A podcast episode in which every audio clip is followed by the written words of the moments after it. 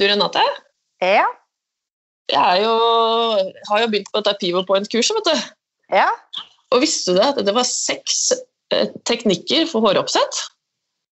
Nei, det visste jeg ikke. For du veit jo at jeg ikke setter opp hår. Hvis jeg kan slippe. Sånn! Men det er twist, knute, overlapp, flette, loops og roll, altså svinenakke. Og så tenkte jeg at det kan ikke være mulig. Er det kun de seks, liksom? Det er uendelige muligheter. Men jeg tenker meg om, så jeg har jo alt en av de formene der. Jeg har bare ikke tenkt på den måten. Det sier litt om hvor mye det er brytet ned liksom, i det kurset. Mm. Det er kjempegøy. Du trives med det? Ja, veldig. Da har du vært innom modul oppsett du nå, da, tenker jeg. Ja, jeg starta der. Favoritten din? Mhm. Mhm, Ja. ja, for det var den modulen jeg helst ville skulke unna, men jeg gjorde jo ikke det. Så du har vært gjennom den, du òg? Ja. Yes.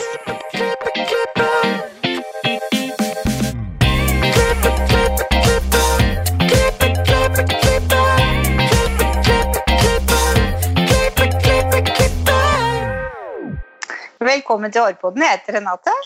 Jeg heter Ann-Marit. Ja, Marit. Når vi først er inne på det, vi kan jo bare skravle litt om Pivo Point. Ja, absolutt. Det er virkelig inne. Hvis du ser her, så kommer jeg rett fra kurs. Så her står du. Det var jo kjempefin.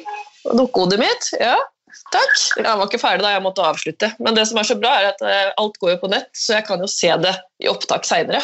Hvis Ja. det ikke, ikke passer. Ja. Så Du er er- fornøyd med det digitale?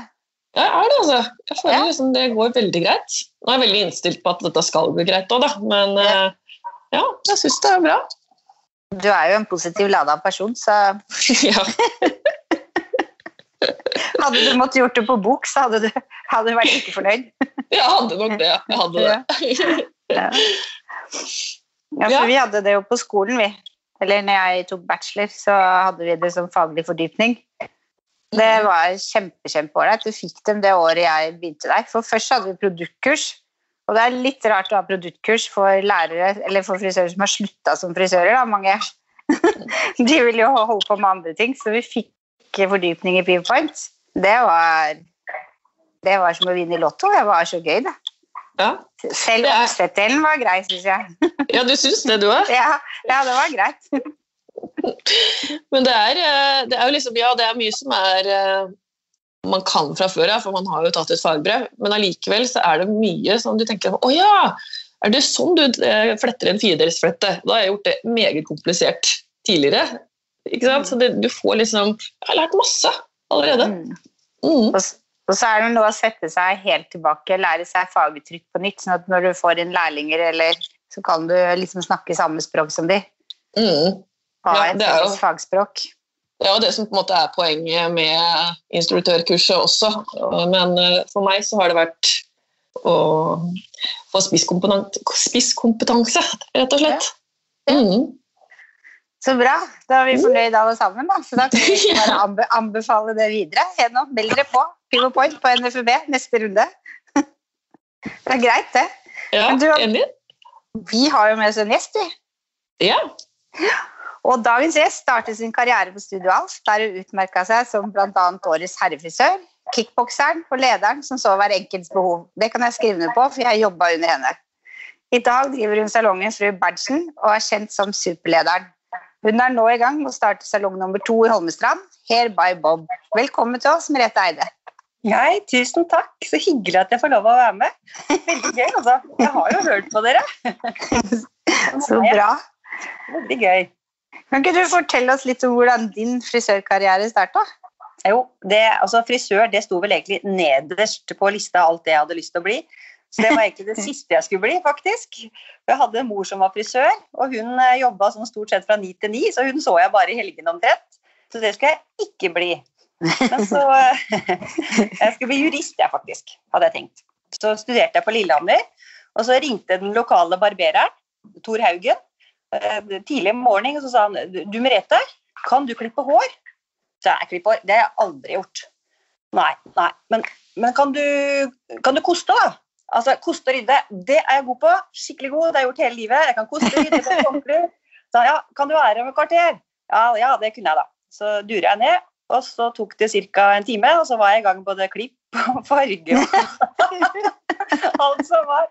Og det var jo så gøy! Jeg hadde det skikkelig gøy. Og så fortsatte jeg Da var alle frisørene syke, faktisk, den dagen. Så det var jo bare å hive seg uti det. Da sto han alene. Så, Herlighet. ja, så sånn ble jeg frisør. Det var faktisk veldig gøy. For en kickstart! Eh, ja, det var en pangstart. Mm. Og da, og da bestemte du deg der og da for at nå skal jeg ta fagbrevet, eller bli frisør? Ja, jeg gjorde egentlig det, altså, for det var veldig gøy. Da fikk jeg, jeg hadde jo, eh, moren min hadde frisørsalong hjemme i huset hos oss en periode da jeg var liten. Så jeg har jo sett eh, mye opp igjennom. Jeg har jo fulgt med på hva som har skjedd i, i mange år, så jeg, jeg følte jeg kunne mye om faget. Og så syns ja, så jeg synes det var veldig gøy, og da, ja, der og da så bestemte jeg meg for at det var det jeg hadde lyst til å bli, da. Mm, at det var gøy likevel. Og jurist, eh, det la du bare på hylla der og da? Ja, det la jeg på hylla der og da. Mm. Eh, jeg har tatt litt økonomi i etterkant, da. Jeg, jo, jeg er jo veldig glad, jeg er veldig glad i å studere. Jeg syns det er veldig gøy å lære nye ting, både i vårt yrke og, og andre ting. Og det er jo det som er så fint med frisøryrket. Du er jo aldri ferdig utlært. Ja, det er sant. Ja, Du må alltid lære nye ting, og det syns jeg er så gøy. Du må alltid følge med. Det er alltid ting å, å lære og oppdatere seg på. Det skjer alltid noe, og det syns jeg er kjempegøy. Men, eh, du, for du har jo jobba studialt. Mm. Vi har jo vært kollegaer. Det har vi, Ja. alle tre. Veldig hyggelig. Når starta du Tok du fagbrev og så Eller tok du lærlingtida di også i Studio Alf? Jeg tok eh, læretida alt i Studio Alf. Jeg begynte der eh, rett etter jeg var ferdig med Adam og Eva frisørskole. Og så fikk jeg jobb, Da var det moren min som anbefalte Alf, for hun hadde vært på kurs med Alf. Så hun sa at der måtte du søke. så da søkte jeg på plass der og snakket med Alf og fikk, eh, fikk jobb. Så ble jeg der eh, ja, helt til jeg hadde fått eh, så mange barn at det var på tide å flytte ut av byen, egentlig. så helt til jeg flytta til Holmestrand. Tenkte et roligere liv på landet med mange barn. Så det så har jeg vært veldig heldig som har fått lov å jobbe i Studio Alf, og ikke minst å få lov til å jobbe så tett på Alf. Han er jo en fantastisk mann, kunnskapsrik og, og lære, altså han, ønsker, han også var veldig glad i å lære nye ting, hadde mange jern i ilden. Jeg fikk lov til å være med på veldig mye morsomt. Mm. For du holdt kurs for ham, du? Også? Ja. Masse? Ja, jeg holdt, eh, holdt en del kurs. Først i, jeg begynte jo egentlig å holde kurs som lærling i, i Tromsø en gang, husker jeg. Det var første gangen. Da var jeg lærling. Og så fortsatte jeg med det lenge, helt til jeg begynte å holde kurs for Alf eh, i noe som het eh, Best uten saks. Et sånt motivasjonsprogram som jeg også holdt kurs med i noen år, som jeg er veldig veldig glad i, som jeg vet dere fortsatt har, men kanskje litt annen form nå enn det det var den gangen. Og Det er også noe jeg har tatt med meg videre. Det er jo um, Vi, vi snakka litt om Det kom litt inn på det med å være leder. Mm. Uh, og det lærte jeg veldig mye av akkurat på det kurset. Og vi har et litt sånn tilsvarende kurs eh, hos fru Berntsen som heter Gøy på jobb. Det er ikke helt det samme, det er litt annerledes enn det, enn det Best uten saks var, men det er fundamentet i alt det, vi, alt det vi gjør. Alle ansatte er gjennom det kurset, og det jobber vi mye med. Eller jobber mye etter. Ja, så bra. Mm. Hva går det ut på, holdt jeg på å si? Sånn, eh, litt mer konkret? Ja, eh, det går egentlig ut på veldig mye, men eh, først og fremst at man skal ha det fint på jobb. At man skal ha det gøy på jobb. Vi, vet at vi presterer best når vi har det bra. Derfor er det viktig også å ha det bra på jobb og skape mestringsfølelse. Um, ja, og så ikke minst å være en lærende bedrift. Eh, det som skjer på bakrommet, at bakrommet kan være en arena for læring og utvikling. For det er alltid gøy å lære nye ting. Det er alltid gøy å utvikle seg og lære og komme videre, og ikke minst mestre. Det er jo det som skaper mestringsfølelse. Så det jobber vi veldig mye med. Vi har bl.a. utformet alle salongene våre sånn at der vi blander farge, det er helt i nærheten av bakrommet, og det er også et naturlig samlingssted. Så vi er, vi er ofte der. Der står vi og snakker og diskuterer og deler erfaringer og, og, ja, og, og utvikler det også. Ja, vi jobber jo litt etter det at uh, ideer er til for å deles, for da utvikler seg og vokser og blir til nye ideer og, og, og mye læring. Eh, Jeg så på LinkedIn når jeg googla det, at du hadde tatt eh, økonomiadministrasjon. Ja. Føler du det at det trenger du for å være daglig leder, eller hva? Nei, det er bare, jeg, jeg elsker tall. Jeg elsker tall og budsjetter. Det er, det morsomste jeg vet. Jeg synes det er livet. Jeg kan sitte i dagevis med tall. Jeg kan sitte på kjøkkenet og kose meg med tall i dagevis. Litt, sånn, litt introvert. Um, nei, og det er, det er, også en viktig del av alt det vi gjør. Det er jo nesten som om jeg fikk en adresse i Oslo da, som skulle finne fram dit. Uten kart så hadde jeg sikkert funnet fram, men det hadde tatt veldig mye tid. Hadde jeg hatt kart, så hadde jeg kunnet komme litt mer rett på. og Sånn er det med budsjetter også. Det er på en måte vårt uh, veikart for å, nå, for å, nå, målet. Så det bruker vi i den daglige driften. Mm. Så du, du, bruker mye tid på tall, du, da? Mye tid på tall. Jeg elsker i hvert fall én til to dager i uka på tall. Ja. Snur og vrir og venter på. Se på alle andres tall. Analysere, se hva det de gjør, hva gjør de som ikke vi gjør.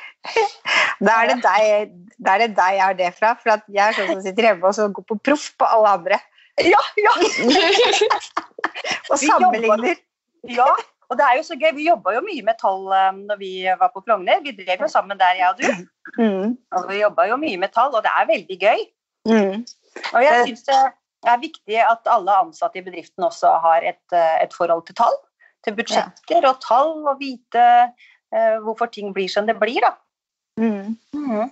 Og så at det skal så, være gøy med tall. så hos dere så går alle gjennom tall? Ja, vi, vi går gjennom tall uh, årlig. Enten en gang, en gang, i halvåret eller en gang i året. Det er litt sånn, litt sånn ettersom. Men vi, vi snakker om det. Det er ingenting som er hemmelig. Det er det som er så fint, når man kan dele det med de ansatte og mm. forklare hvorfor ting går som det går, og hva man kan gjøre for å gjøre det bedre eller også. Mm. Det ikke skal være hemmelig. Ja, og det er jo en viktig del av, av driften vår, er jo, er jo, tall. Og det er jo lønna vår og det, alt det vi gjør. Mm. mm. Og så at det skal være gøy og lett forståelig. Uh, og det er det også sånn med lønnssystemet. Jeg, jeg synes det er eh, Der, der gjøres jo mye forskjellig, da, men vi har valgt å å beregne lønn ut ifra tall med moms, nettopp fordi at da er det enklere for frisørene å regne ut hva de selv får i lønn. For det er faktisk en, eh, en viktig faktor, det med lønn. Mm. Det syns de fleste er ganske viktig, ja. ja. Men jeg husker når jeg jobba under deg, så du, sa du alltid at det er viktig å ikke behandle alle likt. For ja. vi har forskjellige behov, og du ser jo hver enkelt. Hvordan har du lært deg det? Nei, men Det syns jeg er viktig den dag i dag. For jeg syns at rettferdighet er ikke å behandle alle likt, men å gi alle samme mulighet til å yte sitt beste. Ja. For vi er jo forskjellige alle sammen, og det er en del av det gøy at, eh, at, vi alle er forskjellige. Vi skal prøve å tilrettelegge sånn at alle kan eh, være den beste utgaven av seg selv på jobb. da. Mm. Vi har alle forskjellige utgangspunkt, alle forskjellige behov, vi har forskjellige ønsker, forskjellige ting vi ønsker å lære mer av, gjøre mer av. Mm. Ting vi ikke ønsker å gjøre i det hele tatt? ja, ting vi ikke ønsker å gjøre i det hele tatt. Og så har vi familier hjemme, som også er en viktig del av eh, arbeidslivet, som også uh, må ta hensyn til. For det er jo sånn at det er jo ikke bare det som skjer på jobb som angår jobb, det er jo hele livet vårt, på en måte. Dagen vår er jo delt i tre deler. Det er jobb, hjemme, og så sover vi. Åtte timer hver omtrent. Men er det, syns de ansatte hos deg at det er greit at ikke alle blir behandla likt? Jeg må bare stille det spørsmålet. eh, ja, så lenge alle føler de får samme muligheten. Men det er jo eh, alt med måte, på en måte. Det er jo ikke sånn at, uh, at, man alltid får det sånn som man vil. Men vi prøver å tilrettelegge så godt det lar seg gjøre. Og det viktigste er at man har prøvd, at man har snakket om det. Det er kanskje det aller viktigste. At man har tatt den praten og kartlagt litt og sett ok, hva kan vi gjøre, hva er ikke mulig å gjøre. At man mm. prøver. Mm. Mm. Så kommunikasjon er viktig her, skjønner jeg. Kommunikasjon er viktig. Det er alltid viktig. Og jeg er jo så heldig at jeg jobber veldig tett på alle ansatte i og med at vi nå er bare to avdelinger. Da. Så har man muligheten til å få snakket litt med alle. Det er jo litt annerledes når man jobber i større kjeder, så har man kanskje ikke den muligheten heller til å, til å tilrettelegge for alle, sånn som det vi har. Mm. Mm. Men du, jo, du sa det jo akkurat, du har to salonger. Hvordan sjonglerer dere? Har dere liksom ansatt mange nye, eller deler dere opp, eller? Nei, eh, litt begge deler. Det starta jo med når denne pandemien kom, så så vi jo det at det ble trangt. Vi har jo, jeg liker jo å jobbe litt sånn tett på. Det gjorde vi på Frogner òg. Bitte liten salong. Veldig mange ansatte. Liker litt liv og røre. Er alltid, jeg føler at det er alltid sånn at jo mer folk, jo mer som skjer i en salong, jo flere er det som vil inn. Så for meg er det et konkurransefortrinn, det å ikke være, ikke være for stor, for store lokaler, rett og slett. For da er det litt sånn tryggere å gå inn. Det er alltid tryggere å gå inn der hvor det er flere folk. Blir du stående litt sånn ensom midt på gulvet, så blir man litt sånn Hvor skal jeg gjøre av meg nå? Ja. Mm, og sånn var det jo her og da. Så vi var mange på, på, liten flate. Så da måtte vi ta noen grep. Så da um, har vi åpnet en avdeling til. Da er det jeg som delvis har gått over, jeg er litt begge steder. Og så er det Thea eh, som jobbet på Fru Berntsen, som nå jobber fulltid på Heba Bob. Og så har jeg ansatt to nye. Så da er vi fire der nede. Spennende. Mm -hmm. Har du ansatt en ny daglig leder for den andre avdelingen, da, eller? Fru Berntsen? Eh, nei, det, Nei? det gjør jeg sjøl. Ja. jeg må jo si at etter så mange år så føler jeg kanskje at jeg er flinkere på det enn på uh, nødvendigvis uh, alt det som har med hår å gjøre. Og det er jo det drift som er min store lidenskap også, så derfor syns jeg det er gøy å gjøre disse tingene sjøl. Men så får jeg jo god hjelp, da. Ja. Noen å lene meg på i, begge bedriftene. Mm. For du har faglig leder i salongen? Det har jeg. Hun har vært hos dere. Det er Ine. Ja. Hun er knallflink, og det er så deilig å ha mennesker ute som er mye flinkere enn det jeg er. Det er supert. Det var en fantastisk jente. altså virkelig. Du er heldig som har henne. Ja, kjempeheldig. kjempeheldig. Jeg er, bare, jeg, er så, vet du hva? jeg er så heldig med ansatte må jeg bare si. Jeg har en helt fantastisk gjeng. Det er en helt utrolig gjeng. Og de har stått på og jobba, og de tar ansvar. Og det har ikke vært noen klager. Jeg har bare vært, ja, til tross for de tidene som har vært nå, at det er bare helt fantastisk å ha en sånn gjeng. Jeg likte det du sa med at du var så fornøyd med å ha en ansatt som var flinkere på ting som ikke du var like, eller som var flinkere enn deg på noen ting. Ja. For, for, det er jo så mange ledere som er sånn Nei, hvis noen er bedre enn dem, så vil de helst ikke fremheve det, men det er jo det som er så viktig å gjøre. Mm, kjempe. Og det er jo det som er så gøy. Det er jo det man kan, man kan lære av. Og det er tilbake til det med dele og få kunnskap. Ha noen mm. man kan spare med og dele kunnskap med, og så vokser og gror, og så får man nye innspill, og så lærer man kjempemasse. Og Det er de mm. rommene vi er veldig opptatt av å skape da, i salongen. For det, vi er jo en bransje med stor turnover. Det er jo mange mennesker som flytter på seg. Og til enhver tid så har vi jo veldig mye kompetanse på huset. Som vi kaller det da. Veldig mange mennesker som kan mye forskjellig. Og det at disse menneskene har arena hvor de kan snakke sammen og dele kunnskapen sin og få kunnskap, det er kjempeviktig for å beholde den kunnskapen på huset. Beholde alle de ressursene, alt det vi har lært. Mm. Det jobber vi mm. veldig bevisst med og veldig mye med. Ja. Hun fortalte, hun, for det også tenkte jeg, tenkte jeg er veldig viktig, hun, Irina fortalte at dere ga da er det penger til eh, sånn Sånn ja. Hva heter det? det jo, vi har jo bare én et, et, skrevet mål med, med fru Berntsen, salongen ja. i sentrum. Det at det skal være en positiv bidragsyter til bybildet. Så alt det vi gjør, det vektes opp imot det. Og Det er jo fint for ansatte, og det skaper jo veldig mye stolthet. Det er jo veldig hyggelig å være en positiv eh, del av noe. Så vi støtter alt det vi kan av eh, idrett og annonsering i sånne blader. Og, og nå så sponsa vi et hull på en sånn lokal discgolfbane. Og det syns jeg er kjempefint, for det er gratis. Alle kan dra dit og kose seg uavhengig av ferdigheter og alder og, og alt. Så er det fint å komme seg ut litt, og det kan man gjøre sammen. Eller ja. alene om man vil det. Det er helt fantastisk. Ja, ja det syns jeg var veldig gøy. Jeg var veldig glad vi fikk sjansen til det. Ja. At vi ble spurt. Mm. Ja, jeg synes det vi snakka om, liksom, å bruke ressursene man har. for Jeg kunne kanskje føle som leder når jeg var det, at uh, jeg burde kunne alt. At jeg skulle være fasiten på alt. Mm. Det er fort gjort å tenke det som leder, liksom. Ja, det er jo det. For man er, er, jo kanskje litt redd for å vise svakheter. og Eh, at man ikke takler alt. Men nå har jo jeg blitt så gammel.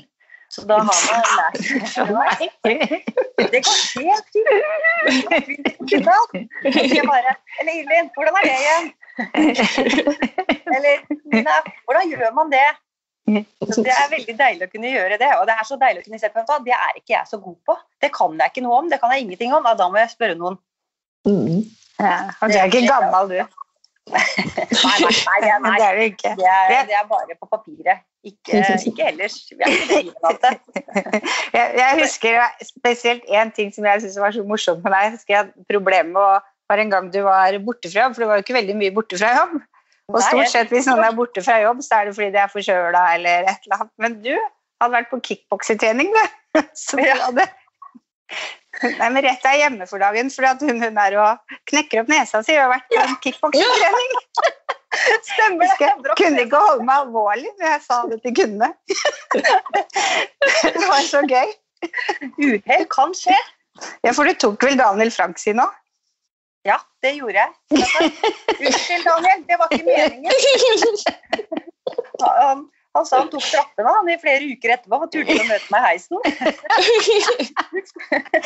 Fantastisk. Det er godt å få ut litt, eh, litt steam. Ja. Jeg bare måtte, måtte nevne det, for det syns jeg var så morsomt. Ja, ja, sånt kan skje. Da fikk jeg sånn stor sånn bleie foran nesa, husker jeg. Kom på jobb med sånn eh, foran nesa. Jeg er jo litt så glad å gå i jobb, og så har jeg vært litt sånn uheldig og fått eh, litt sånn tøffe svangerskap. Jeg sånn, eh, hadde sånn ekstrem svangerskapskvalme. Så fikk jeg spybøtte på bakrommet. Da. Det var ikke stort, det bakrommet. Det er sånn én ganger en og en halv meter.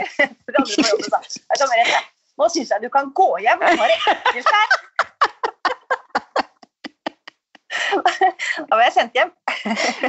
Og så, og så hadde du ikke bare ett svangerskap heller, du hadde jo mange på rappen. Ja, ja, ja. Fire.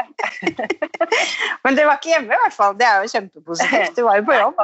Ja, jeg var på jobb. Det var ikke alle som var like glad for det, tror jeg, men eh, sånn er det. Husker jeg gikk, gikk til jobb, gikk og spøy på alle trærne nedover eh, fra Majorstua til Frogner.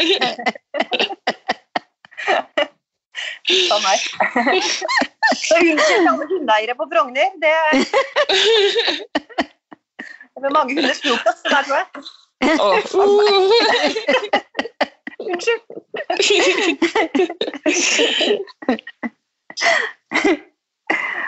Eh, Men hvorfor Holmestrand? Fra Oslo til Holmestrand? Ja, det kan du si. Eh, nei, Holm, altså, det, det tror ikke det har vært der, for da hadde dere ikke spurt det. For her er det bare helt fantastisk. Holmestrand er eh, the place to be, altså. Det skjer i Holmestrand. Eh, nei, det var jo først vi fant, eh, først vi et hus. Kjempefint hus. Det ligger helt på kanten av fjellet her. Vi ser innseilingen til Oslofjorden, og det er bare helt, eh, ja, helt fantastisk. Og så så vi oss litt mer rundt, og så ble vi litt sånn glad i byen og menneskene. Og så kjøpte vi hus og flytta hit. Og siden har vi blitt der, og det har vi ikke angra på i det hele tatt. ja. Det er jo Holmestrand den første sørlandsbyen. Er det det? en liten eh, smak av Sørlandet her. På sommeren mye båtturisme. og Nei, Det er veldig fint i Holmestrand. Kort vei til Oslo, kort vei til Sørlandet. Her er det brygge. Det er veldig fint. Mhm. For sett, Ivar har jo sendt masse fine snapper fra Holmestrand, for du har jo fått med deg han også på lasset. Ja, Ivar kom også. Var det så, jeg ble så glad. Og det ser jo bare så fint ut. Ja, det er kjempefint. Og så er jo jeg fra landet. Jeg er fra Skjåk oppe i Gudbrandsdalen, så jeg savna litt livet på landet. Så når jeg fikk så mange barn, så, hadde jeg, så, blir det komplisert å bo litt sånn tett og trangt i byen. Jeg hadde lyst til at de skal ha den friheten som jeg hadde når jeg vokste opp, til å reise rundt, sykle rundt, gjøre det de vil. Kjenne på det å være fri. Så da kjente jeg en sånn veldig trang til å komme litt lenger ut på landet. Og det er jo ikke så langt heller, egentlig. Nei, det er jo ikke det, er ikke det i det hele tatt. Det tar 45-50 minutter. Ja, og det er jo ikke langt. Nei, absolutt ikke. Mm. For er, I andre storbyer så reiser man jo ofte en time og halvannen til jobb til og fra. Ja, man gjør jo det. Eh, Ja, det er jo helt vanlig. Så det er vel bare Norge som tviholder på Oslo. Ja, det er veldig fint i Oslo. Så det er ikke noe galt med Oslo. Det var bare at eh, jeg med fire barn syns det ble litt stressende. Ja, Mm. ja. Dan-Marit har jo gjort det samme. Mm. Askim og, Askim og tre barn. Ja. Det er veldig deilig på landet. Ja, akkurat det samme som deg. Jeg ville at barna skulle vokse opp et, eh, i litt friere omgivelser og litt mindre sted. Og, men her er jo jeg vokst opp selv, så dette er jo hjembyen min og familien min her. Og en time til Oslo. Ja, Det er helt perfekt. Men du pendler til og fra? Ja, nå jobber jeg Ski, da, så nå har jeg halvert veien min, så nå er det bare en halvtime. Ja. Men det halvtime er ingenting. I hvert fall når du har pendla én time tidligere. Da føles, føles det som ingenting. ja, det er jo ingenting. Halvtime er jo, det er jo ingenting. Nei, Halvtime nei, er bruke dag nesten uansett samme hvor man bor. Mm. Mm. Så der trives jeg veldig godt. Ja, ja, det er fint på landet. Ja, det er det. Og så er det jo ikke sånn det er ikke sånn at ting ikke skjer på landet. Det skjer jo like mye her som det det gjør alle andre steder. Med tanke på hår de Folk forventer akkurat det samme her som det de gjør eh, i sentrale strøk og i byer rundt omkring. Vi har jo både, ja, både internett og vi har eh, Instagram og altså vi har alt der. Jeg syns jo det at alle de, av alle de jeg har jobba sammen med, så er det de som ikke er fra Oslo, no offense, men jeg syns kanskje har vært flinkest. I, de har fordypa seg ofte i forskjellige moduler som de er kjempegode på. Mhm. Og så driver de ofte med ting som ikke du har tid til i byen, så de blir flinke til å male bilder og flinke til å lage ting på en helt annen måte, føler jeg.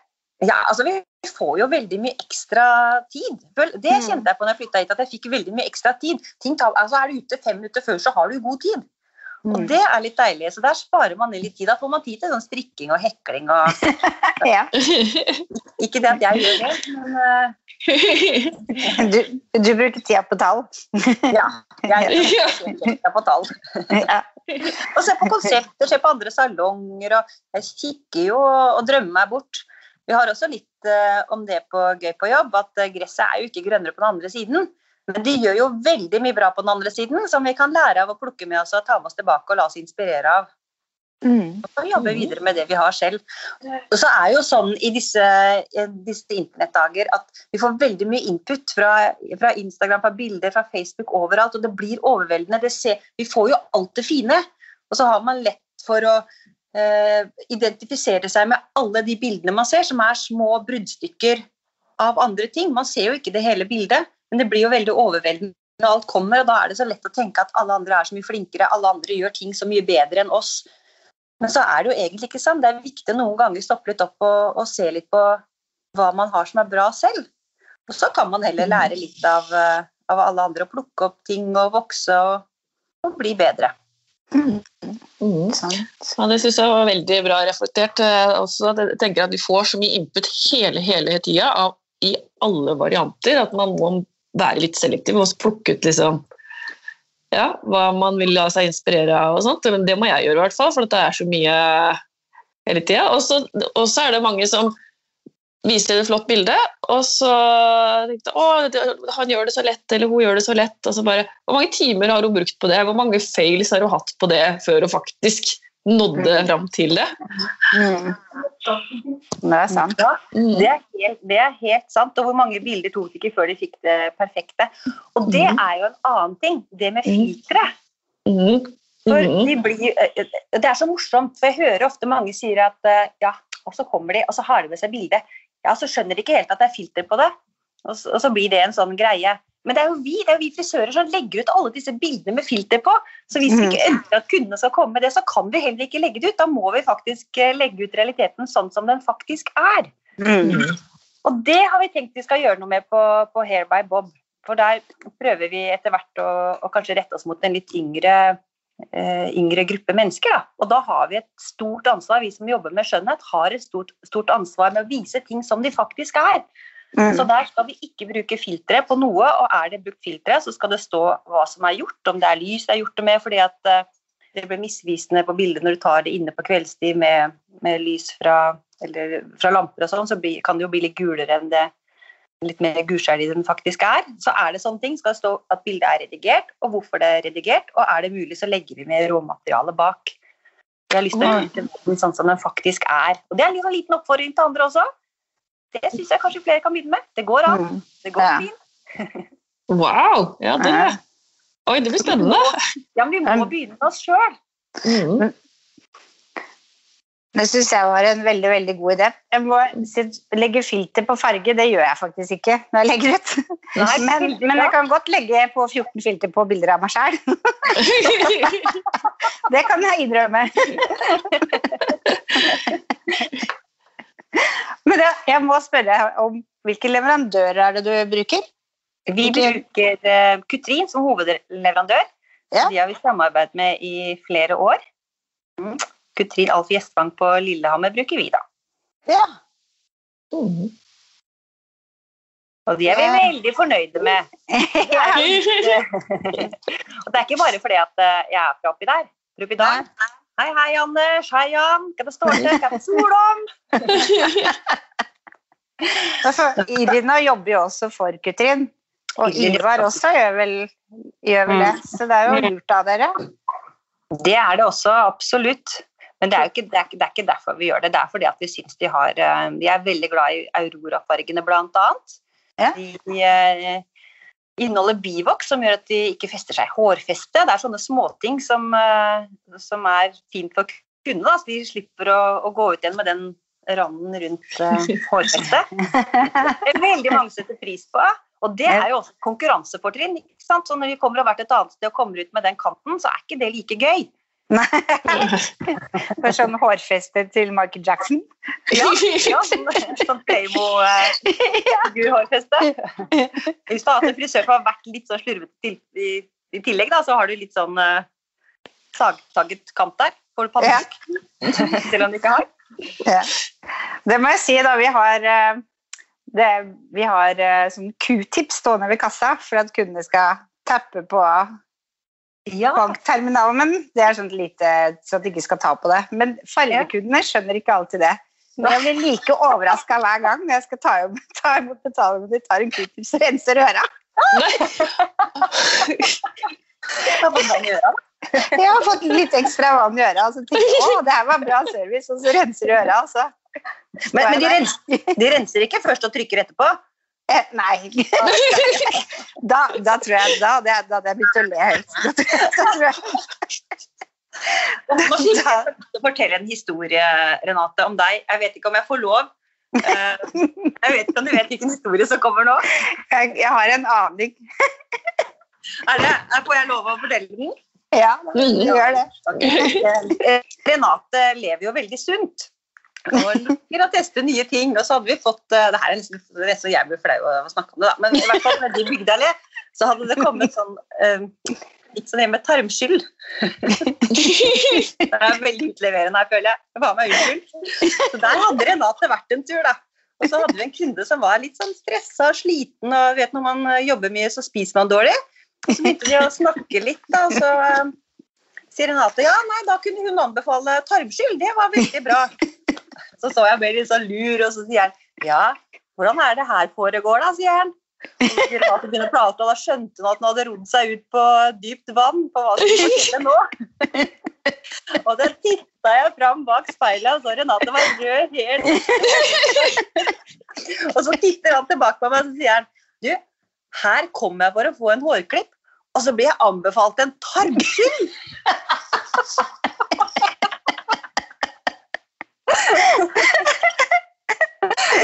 Ah, fantastisk historie. Altså, jeg snakka meg helt ut, og han spurte jo gravde. Altså, jeg trodde jeg døde innvendig, liksom.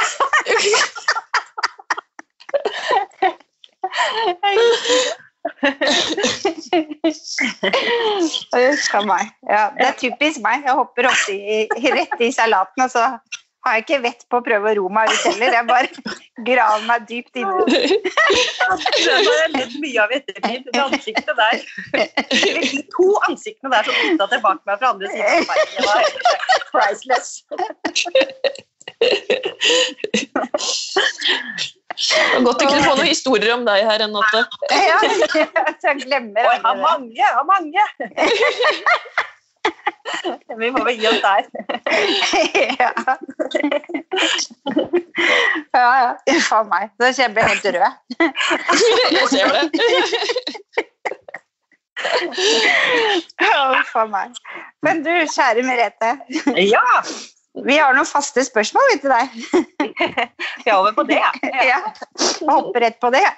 Ja. Har, du, har du noen tips til andre frisører som vil opp og fram?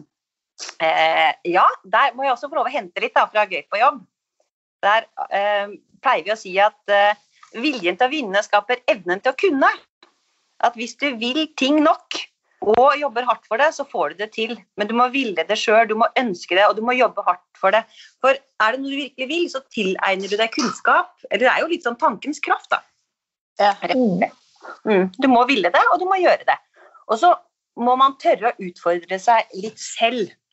Eh, Jeg sendte over et bilde til dere tidligere, vi kan jo legge det kanskje ut etter hvert, som handler om det med eh, å få utfordringer og det å ha kunnskapen til å takle det, som i en graf. At får du utfordringer og har kunnskapen, så er det gøy, da skaper det mestring. Da kommer du videre. Men får du utfordringer og kanskje ikke har kunnskapen, da blir du jo litt sånn stressa og får litt angst og syns det hele er helt pyta Eller om du har kunnskapen, men ikke får utfordringen. Da blir det jo dørgende kjedelig. Så det handler om det å tørre å utfordre seg selv litt, grann, komme litt videre, hive seg innimellom ut på litt dypt vann. Ja, så smart. Det likte jeg skikkelig. ja. vi, vi likte det så godt at vi ble stumme. Bare Rett og slett utfordre seg selv, ta noen sjanser, gjøre ting du ikke pleier å gjøre. Og så da er vi over på noe annet. For 92% av tiden så, så, så gjør vi ferdig innlærte ting. Vi tenker ikke vi åpner døra, så åpner vi bare. Eller eksempel, hvis du flytter om på ting, da. hvis du har ting i salongen som har vært liggende på samme sted hele tiden, og neste gang du skal gå og finne det, så går det automatisk dit hvor det var før. Mm. Det tar tid å komme inn i en, nye, en ny tankegang. Eh, og, da, og da må man øve på de tingene man ønsker å bli god på. Og sånn er det, Vi gjør ofte ting litt sånn på repeat. Vi tar de samme stripene og vi gjør det vi alltid har gjort, for det er trygt og det er godt. Men vi må ta det steget, og det skal gjøre litt vondt. Det skal være litt vanskelig å lære nye ting. Vi må bare ta sammen og gjøre det. Være litt ukomfortabel innimellom og ta noen sjanser. Gjøre litt andre ting enn det vi gjør til vanlig. Mm. Bryte noen uh, vaner. Mm. Ja. Det er sant. Du, du skulle fått snakka med familien din her, du. For at jeg har en sånn greie med når jeg kjeder meg at jeg ommøblerer i alle skuffer og skap og, og flytter rundt på ting. Så de bruker jo dødslang tid på å, å finne ting som aldri ligger der det pleide å ligge. Ja, Vandrer rundt på kjøkkenet og åpner alle skuffene. Ja. Jeg, liker det. Ja, Det er en veldig god egenskap. En Kjempegod egenskap. Det å så gjøre om på ting er jo veldig bra, for da må du tenke. Jeg vet ikke om dere har opplevd at uh, du skal dra fra A til Å, enten om du går eller sykler, kjører, og, så, og plutselig så er du der. Og du skjønner ikke hvordan du kom deg dit engang. Ja. Og da har vi vært inne på den der autopiloten. Og sånn er vi faktisk eh, Jeg tror jeg regna på at sånn over 90% av tida så er vi litt sånn, gjør vi ferdig tillærte ting. da. Så det er det å bryte de mønstrene. Da var det jo lurt av deg å flytte til Holmestrand. for at Jeg husker en gang jeg fikk en telefon fra deg på jobb hvor du, når du bodde på Snarøya, hvor du hadde kjørt forbi Oslo og var på vei ut mot by. da, da var du på autopilot.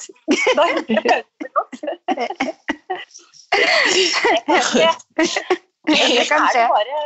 Man må leke seg og lære å ha det gøy. Altså, vi, vi jobber med hår, vi jobber med morsomme ting. Vi skal jo bare ha det gøy, leke og lære å ha det gøy, tørre å gjøre andre ting.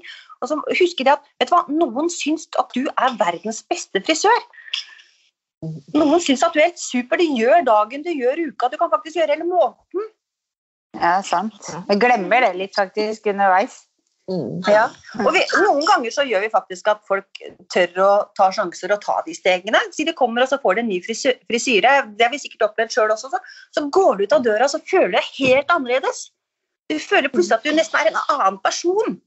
Mm. Du føler deg fin og vel, og, og det er jo en fantastisk ting å få lov til å gjøre sånn med andre mennesker. Flere ganger om dagen. Ja, vi gjør Ja. en stor forskjell for mange. Ja, Det må vi ikke glemme. Nei, det må vi ikke glemme. Hva, hva inspirerer deg, Merete? Nei, det er jo mennesker. Det er jo sånn som dere. som gjør ting. Jeg blir så inspirert. Jeg blir så inspirert. Syns det er så gøy. Om du kunne forandra på noe som helst i frisørbransjen, hva, hva ville du ha ønska å forandre?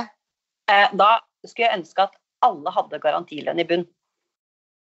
At, for det, eh, vi eh, Jeg, jeg syns på en måte ikke at det er riktig at helt unge, nye frisører blir satt til å jobbe på bare provisjon. Vi mister mange flinke frisører akkurat der og da. Og det er Jeg tenker det er kortsiktig også. så jeg skulle ønske at alle som jobbet i frisørbransjen, kunne ha en garantilønn i bunn.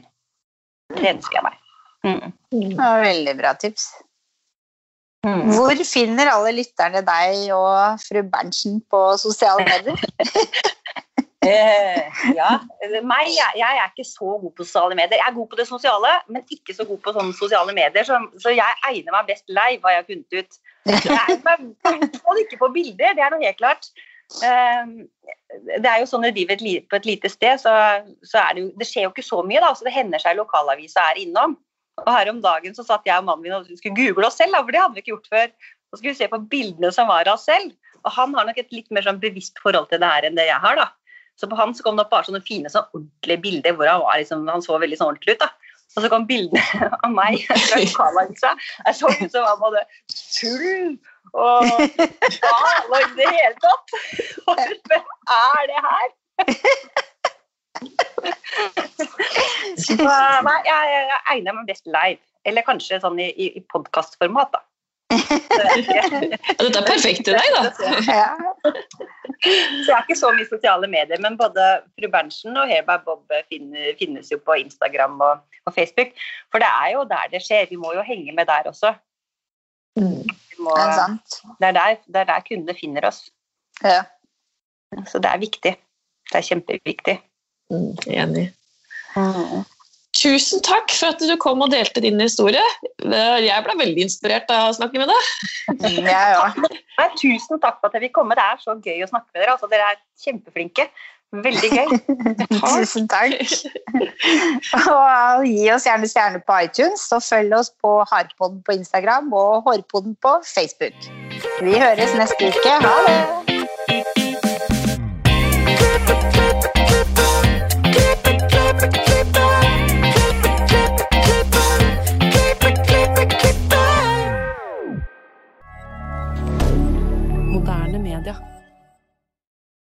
Har du et enkeltpersonforetak eller en liten bedrift? Da er du sikkert lei av å høre meg snakke om hvor enkelt det er med kvitteringer og bilag i fiken, så vi eh, gir oss her, vi. Fordi vi liker enkelt. Fiken superenkelt regnskap.